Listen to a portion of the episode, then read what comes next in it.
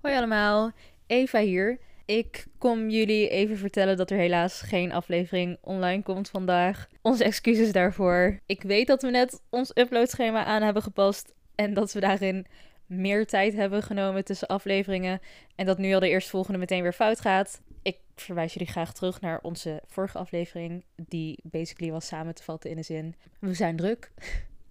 Daarnaast zijn er ook andere dingen gaande. Ik heb bijvoorbeeld corona gekregen, waardoor een van de data die we gepland hadden al wegviel. Daarna had ik tentamenweek. Dus toen was ik ook heel druk bezig met leren en zo. En daarna kreeg Marijn het vooral heel erg druk met werk en bestuur. En had hij heel veel moeite met grenzen bewaken, waardoor hun eerste levensbehoeften onderaan de prioriteitenlijst kwamen. En is hij nu bezig met recalibreren. Om er hopelijk voor te zorgen dat dit niet nog een keer gebeurt. Waardoor onze geplande opneemdag van afgelopen weekend ook niet doorging. En ja, we hebben nog steeds gewoon twee roosters die niet compatible zijn. Dus we moeten even uitzoeken hoe we dit precies allemaal gaan fixen. Maar we zijn nog steeds niet van plan om te stoppen met de podcast. Dus geen zorgen.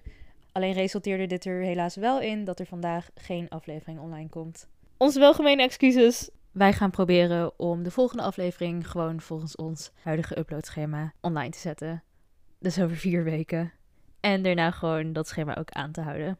Cool. Ja, nou dat was het dus weer voor deze keer. Bedankt voor het luisteren. En jullie horen ons weer in de volgende aflevering. Joe!